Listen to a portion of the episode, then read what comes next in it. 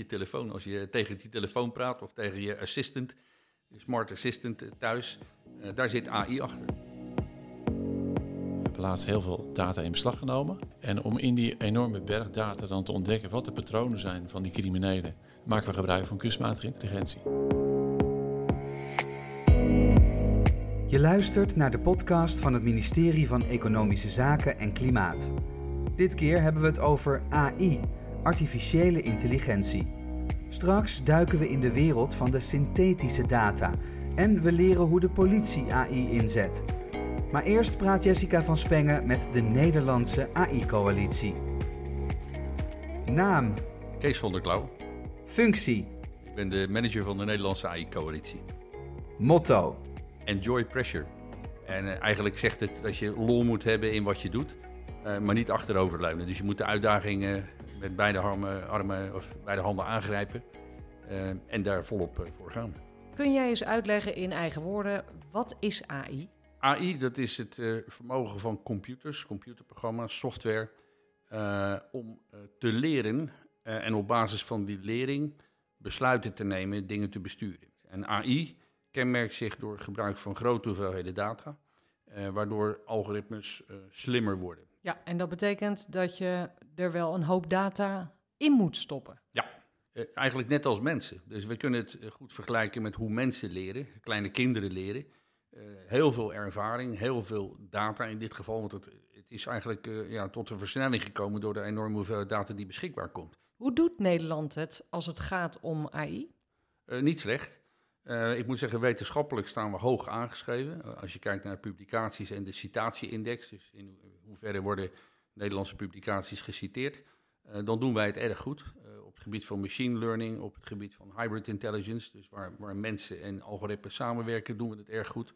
Maar dat is met name aan de wetenschappelijke kant. Als het gaat om de toepassing en de waarde van AI komt in de toepassing. Uh, en daar kijken we naar de Verenigde Staten en China, maar ook landen in Europa om ons heen die daar een enorme versnelling hebben gemaakt. Ja, de AI-coalitie, onlangs opgericht, nog niet zo lang geleden. We zijn jong, we zijn uh, bijna twee jaar oud. toen zijn we begonnen met, wat was het, 30, 35, wat ik noem first movers. Dus een aantal overheidsinstanties, ministeries, wetenschappers, een paar bedrijven. Die het gevoel hadden, er moet iets gebeuren. We moeten aan de slag in Nederland, ook om controle te houden over de manier waarop we AI willen toepassen. De essentie van AI toepassen is dat je met boeren aan de slag gaat als het gaat om landbouwdata. Uh, dat je met artsen aan de slag gaat als het gaat om gezondheidsdata. Met logistieke experts als het gaat om logistiek en transport. En als we die combinatie in Nederland weten te maken, dan kunnen we een enorme versnelling bereiken. Jullie zijn met die AI-coalitie daar druk mee bezig. Hebben ook allerlei werkgroepen hè, op allerlei ja. thema's? Ja, we zijn begonnen met in ieder geval wat ik noem de bouwstenen te organiseren, die voor elke sector gelden. Dus of je nu in gezondheid of in logistiek of in de bouw werkt. En daarnaast hebben zich inmiddels 13 werkgroepen gevormd die echt uh, naar toepassingsdomeinen kijken en waar dus ook de kennisdragers uit die domeinen uh, bij elkaar komen. Veel sectoren zijn zich wel bewust dat er iets moet gebeuren, maar de organisatiegraad is sterk verschillend. Uh, met name het MKB blijft achter. En het MKB is meer dan 60 of 65 procent van onze economie. En ook meer dan 50 procent van alle banen. Maar wat als ik een klein bedrijf heb en ik wil best iets met AI, maar ik weet eigenlijk niet waar ik moet beginnen? Wat moet ik dan doen? Nou, Eén is een cursus volgen, maar een andere optie is dat je een start-up belt. We hebben in Nederland een hele rijke community van bedrijven die ontsponnen zijn aan universiteiten, of, maar mensen met een data kennis uh, en die heel relevante dingen doet. En die combinatie van bedrijfsleven met domeinkennis en zo'n start-up met AI-kennis, dat kan een enorme versnelling betekenen. Maar in het MKB, aan welke toepassing moet ik dan denken? Dat is toch een stukje analyse van klantengedrag. wat kopen klanten? hoe vaak komen ze naar de winkel? En wil ik ze tevoren benaderen met informatie die ze op prijs stellen. Trouwens, online winkels doen niet anders. Die kijken naar koopgedrag van mensen en op basis van ook externe factoren, modetrends of zo, of andere invloeden, zijn ze dus proactief naar hun klanten toe. Als we het hebben over data, dan worden veel mensen vaak een beetje zenuwachtig. Want het gaat om onze gegevens. Ja, en dat ligt natuurlijk gevoelig. Want het gaat om onze privacy. Ja, dat is van begin af aan uh, ons, een onderdeel geweest van onze aanpak. Dus wij spreken over de quadruple helix. De triple helix, dat kent iedereen. overheid, bedrijfsleven en onderwijs, onderzoek. Wij hebben daar echt de burger ook bij betrokken. Dus vertegenwoordigers van maatschappelijke organisaties in field labs, in experimenten met burgers gaan vaststellen wat vinden we nou acceptabel en wat niet. Ook omdat toepassingen van AI zich zo snel ontwikkelen dat je het niet tevoren allemaal kunt bedenken. Mensen bereiken, mensen informeren, dat helpt? Ja, uh, zo is er een initiatief om in samenwerking met de Nederlandse bibliotheken uh, aan de slag te gaan met wat we noemen de AI-parade. Dus we gaan het land in. en in samenwerking met onze werkgroep Mensgerichte AI en Cultuur en Media gaan we dus ja, mensen bereiken om ze te informeren over AI. Als ik aan AI denk, dan denk ik aan iets wat wat verder van me afstaat misschien. Mhm. Maar jij zegt AI is overal. Ja, op je telefoon. Als je tegen die telefoon praat of tegen je assistant, je smart assistant thuis, uh, daar zit AI achter. Hoe kan het dan dat toch veel mensen het een beetje spannend vinden? Ja, misschien eh, omdat zeg maar de verpakking in consumentenelektronica, die gaat heel subtiel. Mensen krijgen daar leuke dingen voor terug. Eh, maar in ruil voor dat aanbod betaal je met uh, persoonlijke data. Uh, het is goed dat er dus nu dus regelgeving komt waar je dat in ieder geval kunt instellen. Helpt het als mensen meer weten over hoe het werkt? Ja, daar, daar hebben we een aantal initiatieven. Dus ik vertelde al over de werkgroep Mensgerichte AI. uit die werkgroep komt het initiatief voor zogenaamde ELSA Labs. En ELSA staat voor Ethical, Legal en Societal Aspects. Um, en daar willen we gaan experimenteren met burgers. Dus niet alleen uh, met juristen achter het bureau. Nee, we gaan in de praktijk gaan we wat we noemen use cases, dus toepassingen van AI, eh, gaan we bespreken, gaan we testen met betrokkenheid van die burger. En die kan dus meedenken en meepraten over wat vinden we nou acceptabel en wat niet. Jij zegt, Nederland loopt nog wel wat achter op het gebied van de AI. Wat is er voor nodig om die slag te maken, om echt te zeggen wij gaan gelijk lopen aan de concurrentie in het buitenland? Ja, twee dingen, denk ik. Eh, en dat proberen we dus als coalitie voor elkaar te krijgen. Ten eerste samenwerking. Nederland is veel te klein uh, om dat allemaal op de vierkante meter te doen. We hebben 17 miljoen meningen in Nederland, maar relatief zijn we goed in het samenwerken. Het andere is investeren. Uh, en ja, ik ben heel blij met de overheidsinvestering uh, via het Groeifonds. Dat is een impuls, maar dat is, dat is maar een deel van het geld. Een ander deel van het geld en de effort moet komen van de samenwerkende partijen. Om hoeveel gaat dat? Uh, er is 276 miljoen euro is uh, gereserveerd slash toegekend. Wat gaan jullie met dat geld doen? Dat gaan we investeren over de hele waardeketen. Dus we beginnen aan de onderwijskant. Uh, we moeten voorkomen dat talent wat we hebben, dat dat naar het buitenland vertrekt. Dat willen we graag hier houden. Maar we moeten ook meer talent opleiden. Er is gewoon een tekort we gaan het in uh, fundamenteel onderzoek uh, investeren om te zorgen dat die positie die we hebben, dat we die behouden. We gaan het investeren in ketenprojecten. Dat zijn echt samenwerkingsprojecten waarbij uh, MKB, grootbedrijf, start-ups, maar ook lokale overheden en burgers samenwerken om zinvolle AI-toepassingen voor elkaar te krijgen. Bijvoorbeeld in openbaar vervoer, in logistiek, in gezondheid en zorg. En we gaan het inzetten op, op ja, learning communities om te zorgen dat wat we leren, dat dat niet eenmalig is voor een project, maar dat dat beklijft. Dus het idee is echt om een ecosysteem in Nederland neer te zetten, samen met de hubs en de werkgroepen, wat blijvend is. Er zijn er mogendheden om ons heen die natuurlijk wat minder strikt zijn als het gaat om bijvoorbeeld privacy of daar in ieder geval andere regels en wetten over hebben. Zou je niet kunnen zeggen, ja, die halen wij nooit meer in, want wij hebben andere dingen met elkaar afgesproken? Ja, ik denk dat je een andere route moet volgen. Dus het heeft geen zin om uh, achter uh, de gevestigde uh, leiders aan te lopen. Dus ik zei al Amazon, Google, Alibaba. nee, we moeten slimmer zijn. en ik denk dat die kans er nu is. dus Europa is zich bewust geworden van de, de, privacy en de, de scherpe kantjes van AI. Daar komen regels. Maar die regels zijn niet een time-out. En dat bedoel ik ook met mijn spreuk Enjoy Pressure. We gaan niet achteroverleunen en denken dat we beschermd worden door, uh, door die regels, hè, dus de ethische en juridische kaders. Nee, het is een, een resetknop die ons de mogelijkheid geeft om toepassingen te ontwikkelen die met open armen worden ontvangen door uh, Europese burgers ja. en bedrijven. AI is overal, hè? Um, waar zien we het nu? Waar, waar merken we nu dat AI om ons heen is? Uh, je, je, merkt het dus op je mobiele telefoon. Uh, daar, die zit er al vol mee. Uh, en alles wat je met je stem benoemt.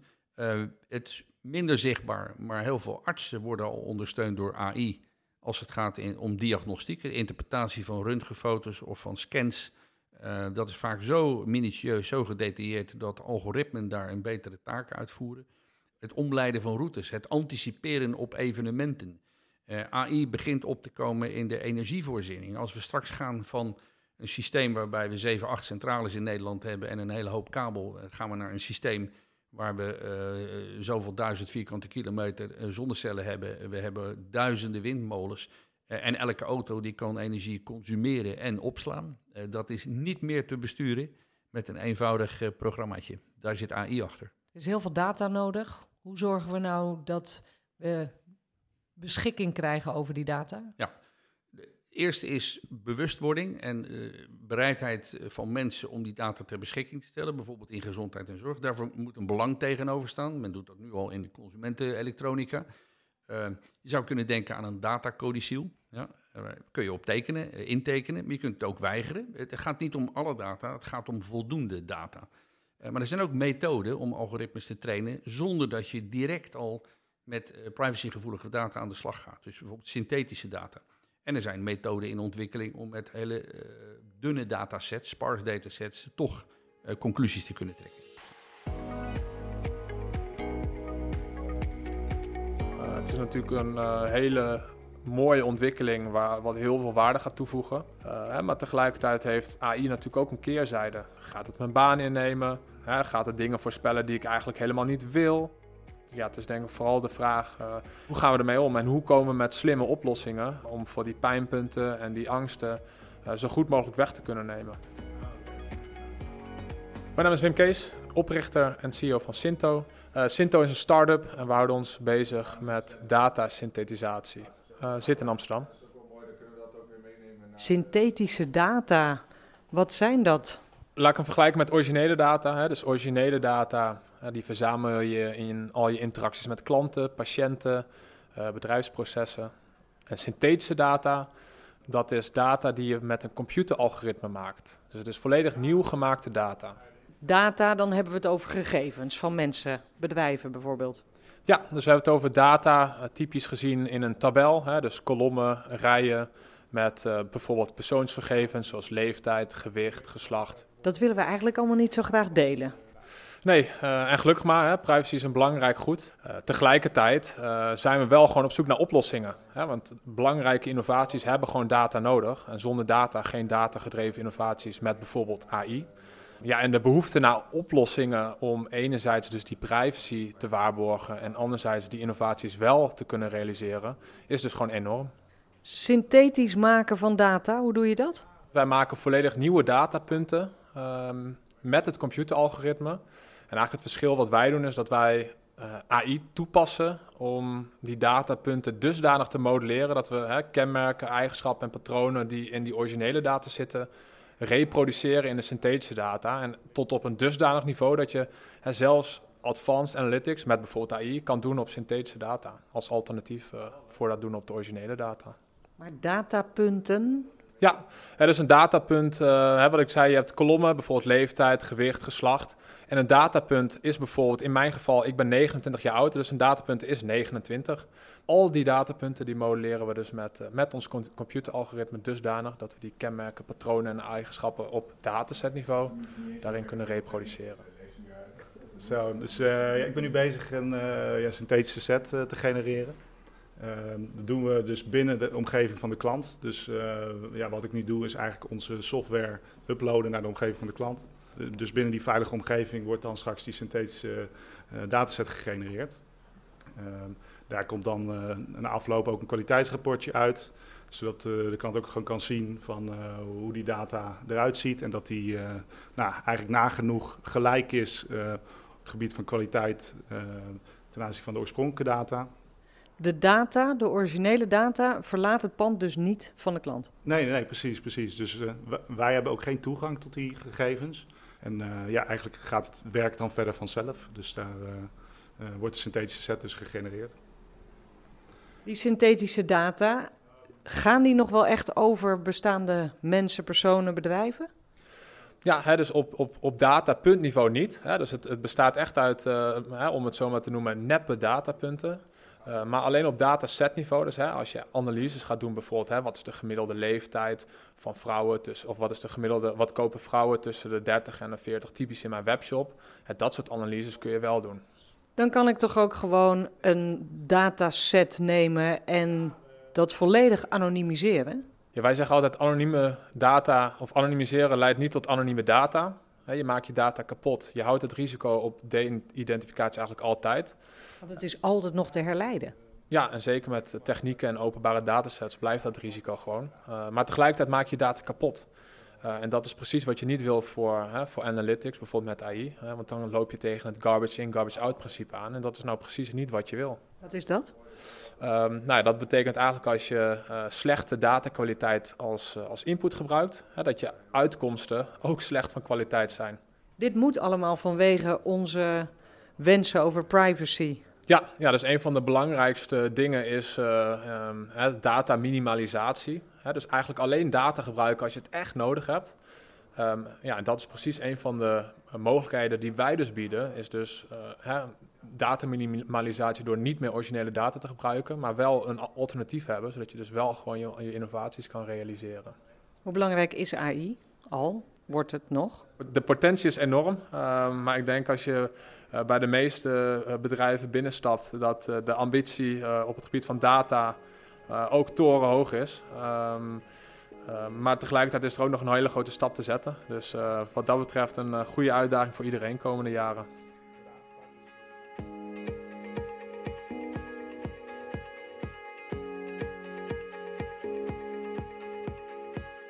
Naam. Ik ben Theo van der Plas. Functie. En ik werk bij de politie als programmadirecteur digitalisering en cybercrime. Motto. De politie van overmorgen is vandaag. En dat geeft eigenlijk weer dat het niet gaat in digitalisering over een toekomstbeeld, of een toekomstdroom. Digitalisering is natuurlijk om ons heen en dat zit ook in ons vak en dat is vandaag. Dus zeker met politiewerk van overmorgen, het lijkt ver weg, maar we werken iedere dag aan. Oké, okay, mooi.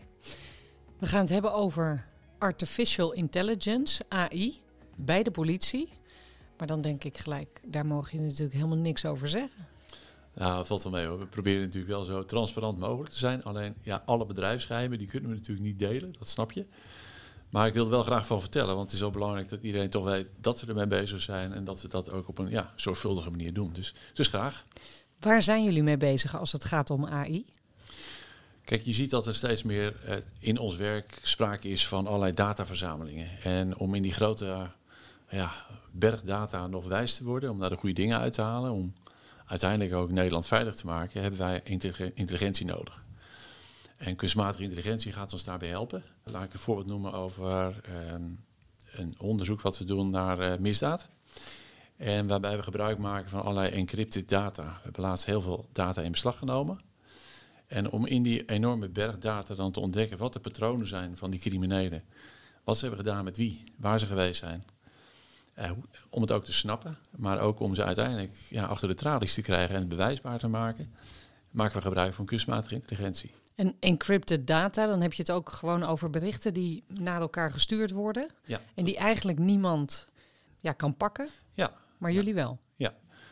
En ja, dat werd eigenlijk door de criminaliteit beschouwd als niet te kraken. Alleen ja, door dan die hoeveelheid data wegwijs te worden, gebruiken we kunstmatige intelligentie. Hoe werkt dat dan? Kijk, je laat hem, de machine laat je de verbanden ontdekken. Laat ik noemen een clubhuis of een café of uh, een gelegenheid, een locatie om elkaar te ontmoeten. En als je die bij elkaar zet en je mixt, je mixt dat met een aantal criminelen die we op de korrel hebben, ja, dan kun je daar weer iets uit ontdekken, waardoor ze zegt, hé, hey, donderdagavond komen ze allemaal bij elkaar op een bepaalde locatie. Nou, dat helpt enorm. En met het blote oog lukt je dat gewoon niet. Als regisseur ook, heb je nog zoveel ervaring. Dat lukt je gewoon niet om te doen. Dit vergt ook iets van jullie mensen. Die moeten dus anders opgeleid worden? Je ziet dat we een gezonde mix hebben van uh, regisseurs die echt het vak van, ja, noem het even, speurwerk verstaan. Dat die ook jarenlang ervaring hebben. Maar tegelijkertijd uh, zijn ze ja, erg geholpen door de data scientists die we hebben. Mensen die afgestudeerd zijn op data science of kunstmatige intelligentie. Ja, en die mix met elkaar maakt dat wij succesvol zijn. Maar staat de wet het altijd toe wat jullie willen en waar jullie mee aankomen? Ja, wij, zijn, wij moeten natuurlijk binnen de regels van de wet werken. Alleen de wet is daar nog niet op toegesneden. Dus de rechter zie je ook een eigen afweging maken of dat in verhouding is tot elkaar. En dat is heel moeilijk. Uh, in de huidige tijd, daarom kijken we ook uit naar de invoering van de, het nieuwe wetboek van strafvordering. Daar wordt hard aan gewerkt. En waarin wel een plek is opgenomen om dit ja, eigenlijk te regelen met elkaar. Want de tegenstander, de criminaliteit, wordt ook steeds inventiever. Daar hebben jullie ook mee te maken. Hoe blijf je die voor? Ja, dat is echt wel een red race. Ja, de crimineel die probeert het ook via communicatiemiddelen uit ons bereik te blijven. Probeert op een hele andere manier dan een normaal gebruik van een bank zijn geld weg te laten stromen. En die maakt gebruik van de cloud in plaats van gewoon devices die je in beslag kunt nemen. Die maakt gebruik van internationale wetgeving hè, om daaruit weg te blijven en in andere landen te gaan zitten waar we geen rechtsmacht hebben. Dus kortom, je ziet allerlei facetten die ons werk ook wel ingewikkelder maken. En tegelijkertijd ook daardoor de noodzaak, en dat zie je ook wel terug bij de afweging van de rechter, de noodzaak komen om gebruik te maken van kunstmatige intelligentie. Innovatie zorgt ervoor dat je ook dingen kan maken die niet echt zijn. Hè? Bijvoorbeeld het fake nieuws, waar we nu veel over horen. Hoe gaan jullie daarmee om? Ja, dat zien we natuurlijk ook ontstaan. Hè? Dus uh, voor ons is belangrijk waarheidsvinding. En dat is voor de rechter net zo van belang. En uiteindelijk voor jou en mij als verdachten, stel je voor dat we dat zijn, ook. Hè, kun je echt ervan op aan dat datgene wat voor de rechter gebracht is, de waarheid is. En de tendens van uh, synthetische data, uh, het maken van ja, allerlei fake news door soms ook computers. Hè, dat wordt gemaakt en er wordt een stem vervormd of er wordt bewijs ergens achtergelaten van je denkt, is dat nou van iemand of is dat daar neergelegd? Nou, dat zijn allemaal facetten die voor ons van belang zijn. En waar we ook de expertise en de kennis voor in huis moeten hebben. Om dat ook mee te nemen in het bewijs wat we voor de rechter brengen. We hebben het nu over opsporing op hoog niveau. Maar gaan we het ook op straat zien, de agent? Gaat hij gebruik maken van AI? Dat denk ik zeker. Dus de agent die op straat werkt, heeft toch te maken met veel in zijn boekje schrijven of eh, nou, eh, op schrift stellen. Maar het zou toch fantastisch zijn als hij gewoon kan inspreken op straat wat hij ziet, wat hij meemaakt. Uh, een getuigenverklaring die opgenomen wordt en dan ja, vertaald wordt naar tekst. En de politie is zelf ook echt ja, dingen aan het ontwikkelen? Ja, zeker. Wij vinden het belangrijk om zelf die kennis op te doen. Dus wat we hebben gedaan is de afgelopen, nou zeg vier, vijf jaar, samenwerking met universiteiten eigenlijk op een hoog pijl gebracht. En momenteel hebben we een Nationaal Politielab AI. Daarin werken zo'n 16 promovendi. Die in alle richtingen, als het gaat om beeldmateriaal, om ethisch normbesef, als het gaat om een aantal technische fondsen, samen met ons in het ja, operationeel politiewerk aan het experimenteren, aan het ontwikkelen zijn. En wat wordt daar dan ontwikkeld?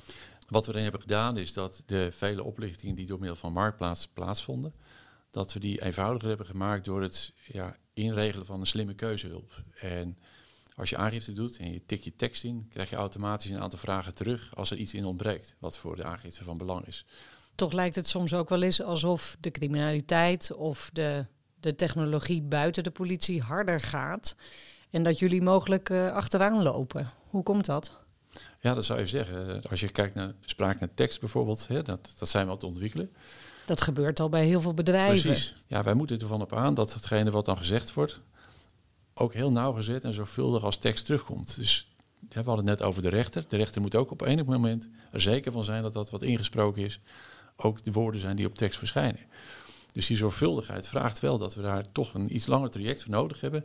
Maar uiteindelijk wel zorgvuldig dat kunnen doen. En ja, dat, dat maakt dat we in een veilige samenleving in Nederland met een politie werken die op deze manier AI praktiseert. Ja, de politie moet daarin voorzichtiger en zorgvuldiger zijn. Ja, zeker. Dus het gaat niet alleen om de juridische context, juridische regels, maar het gaat ook om de verhouding. Dus het ethisch normbesef, de zorgvuldigheid waarmee we dat doen, de afweging, is voor ons cruciaal. Dus daar hebben we ook een hele ontwikkellijn op lopen om dat goed te doen.